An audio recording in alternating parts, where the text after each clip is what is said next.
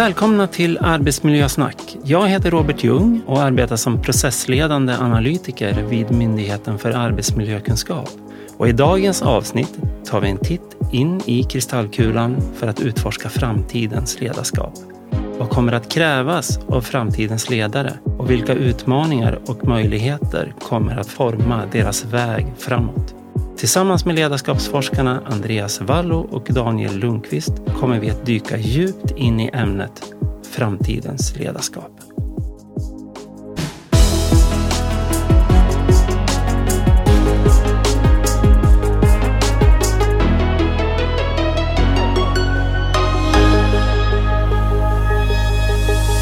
Hej och välkomna! Jag sitter här i en studio i Linköping tillsammans med två stycken ledarskapsforskare från eh, Linköpings universitet. Ni kan eh, presentera er själva. Eh, Daniel Lundqvist heter jag, universitetslektor och docent i arbetslivspedagogik. Jag heter Andreas Wall och är biträdande professor också i arbetslivspedagogik. Välkomna! Ni är hjärtligt välkommen hit. Idag tänkte jag att vi skulle prata om ledarskap och ledarskap i framtiden. Just nu så är väl den ledande trenden inom ledarskapsutbildningar och ledarskapsteorier att man har ett transformativt ledarskap som är relationsinriktad. Finns det några andra trender inom just ledarskap som, som man skulle kunna se som skulle kunna växa till sig i framtiden? Eh, ja, det tycker jag vi kan se. Eh, det transformativa ledarskapet har ju funnits under väldigt lång tid och är väl det som de allra flesta forskare använder. Så kommer det säkert vara även en bit in i framtiden här. Men, men det vi ser mer och mer komma det är ju det här kopplat till tillitsbaserad ledning och styrning. Det vill säga att man som chef kanske inte lägger allt för mycket tid på att kontrollera och följa upp medarbetarna utan att man, man måste jobba mer med, med att skapa tillit i organisationen. Att alla är professionella och kan utföra sitt arbete. Och det föder då någon slags självledarskap. Det vill säga att varje medarbetare också leder sig själv i högre utsträckning. Så det tycker jag vi kan se särskilt i den här svenska nordiska kontexten. Men det börjar också skönjas även i internationell forskning under olika benämningar. Här har vi ju länge pratat om medarbetarskap som en slags delmängd i ledarskapet. Eller man, man, man liksom behöver ha båda delarna för att, för att kunna vara framgångsrik. Då. Men nu själv, self-leadership, man pratar kanske mer om kollektivt ledarskap, delat ledarskap har vi sett under några år här också. Så det finns lite olika benämningar på men, men det tror jag kommer kunna växa på sig och bli en lite större trend om, när vi går nu mot de här ja, lite mer flexibla arbetslösningarna. Man kan välja arbetsställe lite, lite enklare, man kan jobba hemifrån. Det krävs mer tillit, det krävs att man faktiskt också leder sitt eget arbete som, mm. som vanlig medarbetare. Mm. Det är ju precis som du säger, nu, nu, jobb, nu är kontoret både hemma och på jobbet och en blandning däremellan. Så att eh, väldigt spännande att se om, om de här nya ledarskapsteorierna faktiskt kommer att falla ut, tycker jag. Men jag som kommer från Myndigheten för arbetsmiljökunskap är också nyfiken på vad, vad kommer det här ha för innebörd på arbetsmiljön för både chefer och för, för medarbetarna? Jag tycker att en, en, en stor och en svår fråga. Alltså det handlar ju om ett ansvarstagande kan man väl säga som, som ligger i själva termen eh, självledarskap. Och det är väl positivt. För jag tänker att arbetsmiljö och arbetsmiljöarbete är ju ett en, en sam, samarbete, ett samverkan. Alltså det handlar ju om att chef och medarbetare tillsammans ska arbeta för en gemensam bättre arbetsmiljö. Jo, man brukar ju säga det, att, man, att vi är varandras arbetsmiljö. arbetsmiljö. Så det ligger väl i termens betydelse, tänker jag. Men, men om man då tänker sig att, eh, att det förändras lite grann sådär eh, vad det gäller ledarskapet. Hur, hur ser då framtidens chefer ut? Ja, det är ju en väldigt kittlande fråga att, att tänka kring för att å ena sidan då om vi stretchar det där med tillitsbaserad ledningsstyrning, ledarskap och självledarskap så att alla blir sina egna chefer. Behövs vanliga chefer då? Är ju, tycker jag, en ganska naturlig fråga. Mm. Eller går vi mot, mot kanske någon slags, att den här pendeln som ibland kan svänga åt olika håll, att det ska vara mer chefer, fler chefsled, fler chefsnivåer. Så svänger den tillbaka och så ska det vara plattare organisationer och så har vi sett att det där har liksom svängt fram och tillbaka genom historien. Då. är det kanske på väg tillbaka nu? Att vi, vi bygger nya digitala lösningar, vi jobbar mer med självbaserat eh, ansvarstagande, medarbetarskap eller vad vi nu väljer att kalla det. Då blir chefens roll kanske lite mindre viktig. Det skulle kunna vara en, en sån framtida utveckling. Men vem vill bli chef då? Ja, det är ju en, en, en giltig fråga. Det är ju kanske en fråga som vi redan idag hör lite oftare. Okay. Att vi redan nu är in, inne i det. Eller vad säger du Daniel?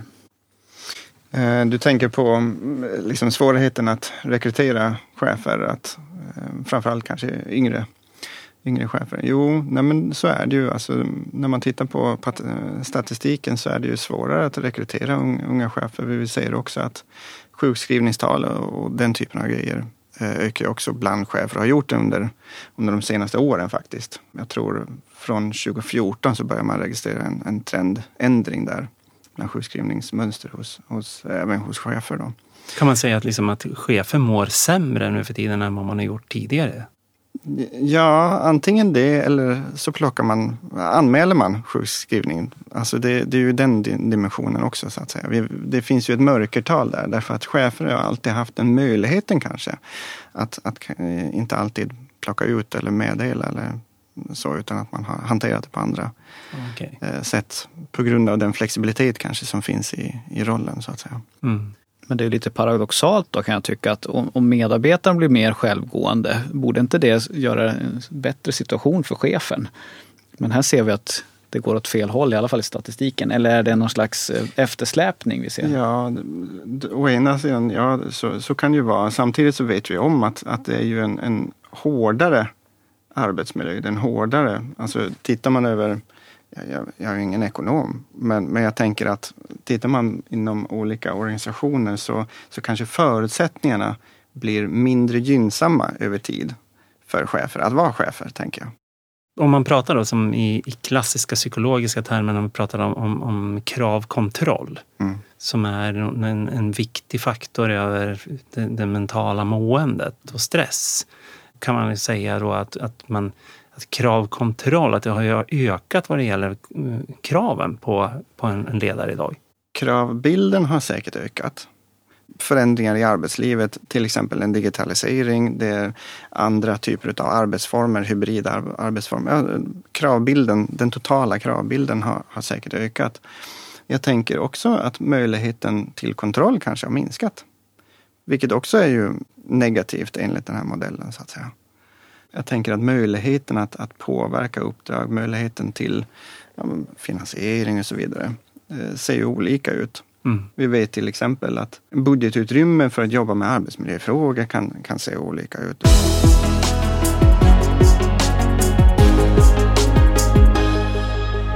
Om man då säger så här, man pratar om chefsstöd.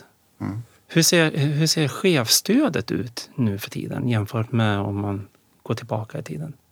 Och hur kommer det se ut framöver?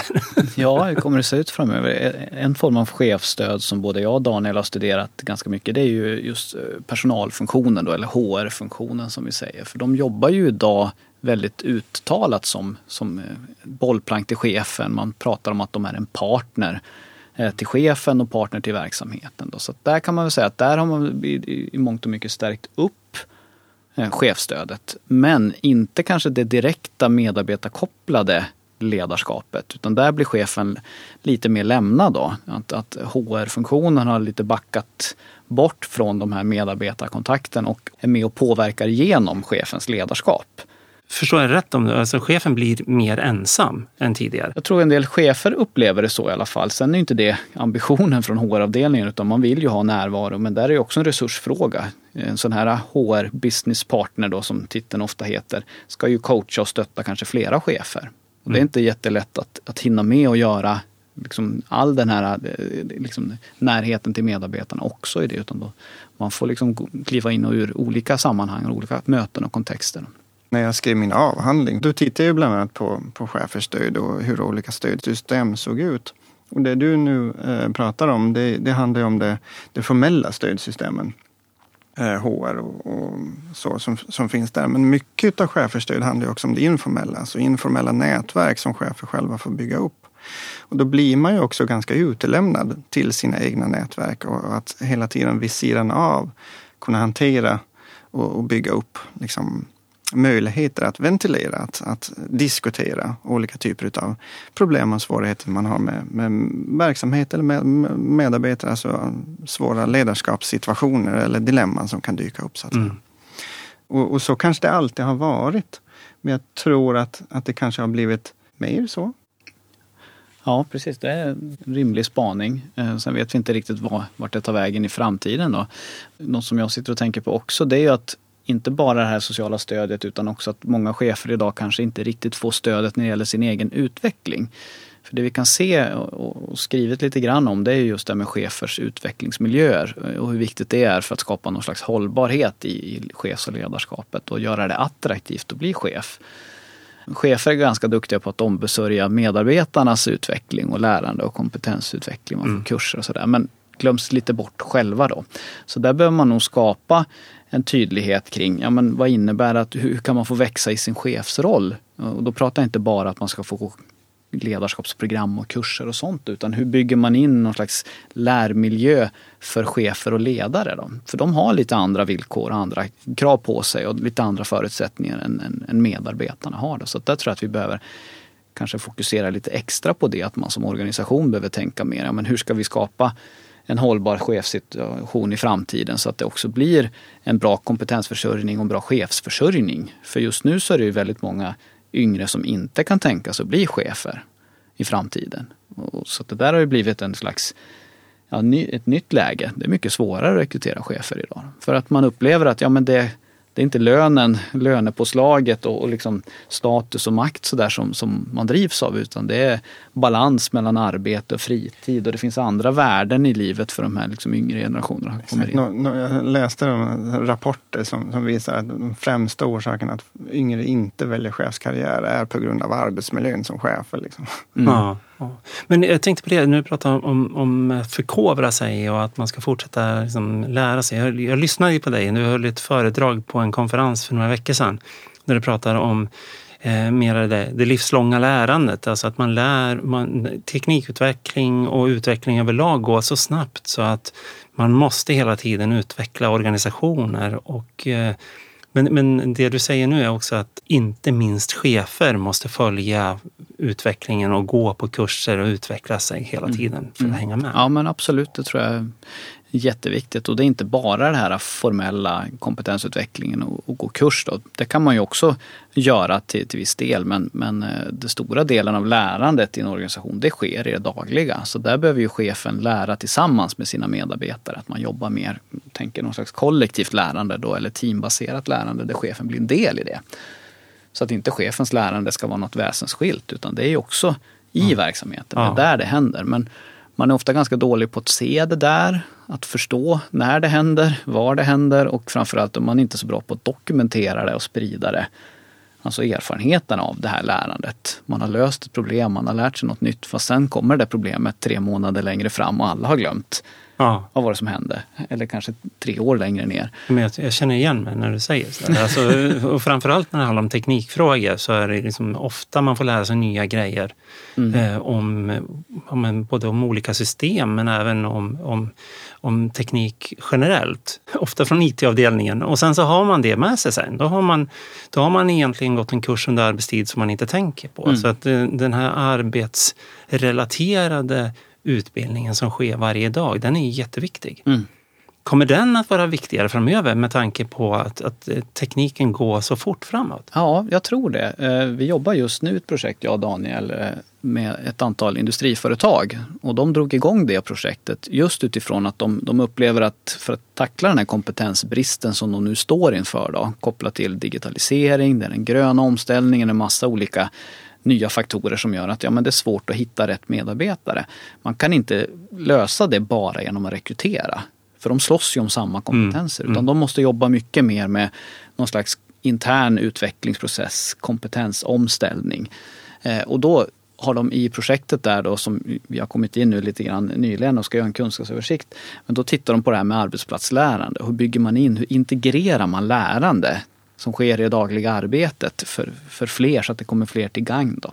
Så där ska vi titta just på de här eh, ex, digitala experter som, som jobbar på vissa typer av sådana roller i de här ganska kunskapsintensiva industrierna. Men vi tror ju att det i förlängningen också kommer vara relevant för, för fler verksamheter. De erfarenheter som kommer från det projektet. Jag ser, jag ser framför mig att liksom chefen och ledarskapet kommer ha en jättestor påverkan på hur en hel organisation ska kunna fortsätta att lära utav varandra på arbetet. Det är ju ingenting som kommer av sig självt utan man, man måste väl vara med som en moderator och knuffa mm. på organisationen. Mm. Ja, det, jag brukar säga att man behöver vara som en facilitator. Eh, för som chef så kan du inte tvinga fram lärande och utveckling. Men du kan skapa förutsättningar och du kan skapa engagemang. Det kan man jobba med. Mm. Alltså någon slags nästan indirekt ledarskap. Att man påverkar så att man bygger en kultur och en miljö som gör att medarbetare som kommer in där känner att wow, här, här finns det utrymme för mig att växa. Här finns det, det upp, uppmuntras när jag tar nya steg och så vidare. Så mm. det, det tror jag kommer bli jätteviktigt för egentligen alla organisationer. Mm. För det där är ju spännande. Man, man tänker sig in att man går en utbildning, man blir färdig, man, man kommer ut ifrån utbildningen när man är 28 år gammal och sen så ska man jobba till man är 67 och tro att man ska leva på samma utbildning. Det är, det är orimligt med tanke på att utvecklingen teknikutvecklingen och utvecklingen för företag, det står inte still i 40 år. Så det krävs ju att man hela tiden är på tårna och utbildar sig. Mm. Och då är det ju både tid och resurser som krävs. Men framför allt tänker jag mig att man, har, att man skapar en sån kultur eh, inom organisationen. Och där känns det som att ledaren borde ha en, en, en väldigt stor uppgift. Mm, absolut, att skapa kulturen, att, att visa att man ska prioritera det. För det är ju lätt hänt att man tänker att ja, men jag vet att det finns forskning eller det har kommit någon ny rapport men jag hinner inte läsa den. För jag är så inne i det här liksom ekorrhjulet och, och, och lever i en ganska kortsiktig eh, liksom arbetsvardag. Då. Så att där måste ju ledaren också säga att ja, det är okej okay att nu, nu tar vi ett fri, friutrymme här och så faktiskt lyssnar vi på den här podcasten från Mynak och sen så diskuterar vi i smågrupper eller vad man nu gör. Men, men på något sätt liksom våga stanna upp och reflektera, tanka in ny kunskap som kommer utifrån. Där har ledaren en jätteviktig roll att, att bara säga det och också föregå med gott exempel och vara förebild. Eh, för medarbetarna ser ju vad chefen gör såklart. Ja, jag, jag, tycker att det är en fantastiskt fint sätt att avsluta den här podden på. Att man ska just lyssna på Mynaks poddar. Vi tackar Andreas och Daniel för ett trevligt samtal. För er som är intresserade av att fördjupa er ytterligare kan ni läsa mer om ledarskap och framtidens arbetsmiljö på myndighetens webbplats mynak.se. Stort tack för att ni lyssnade på det elfte avsnittet av Arbetsmiljösnack.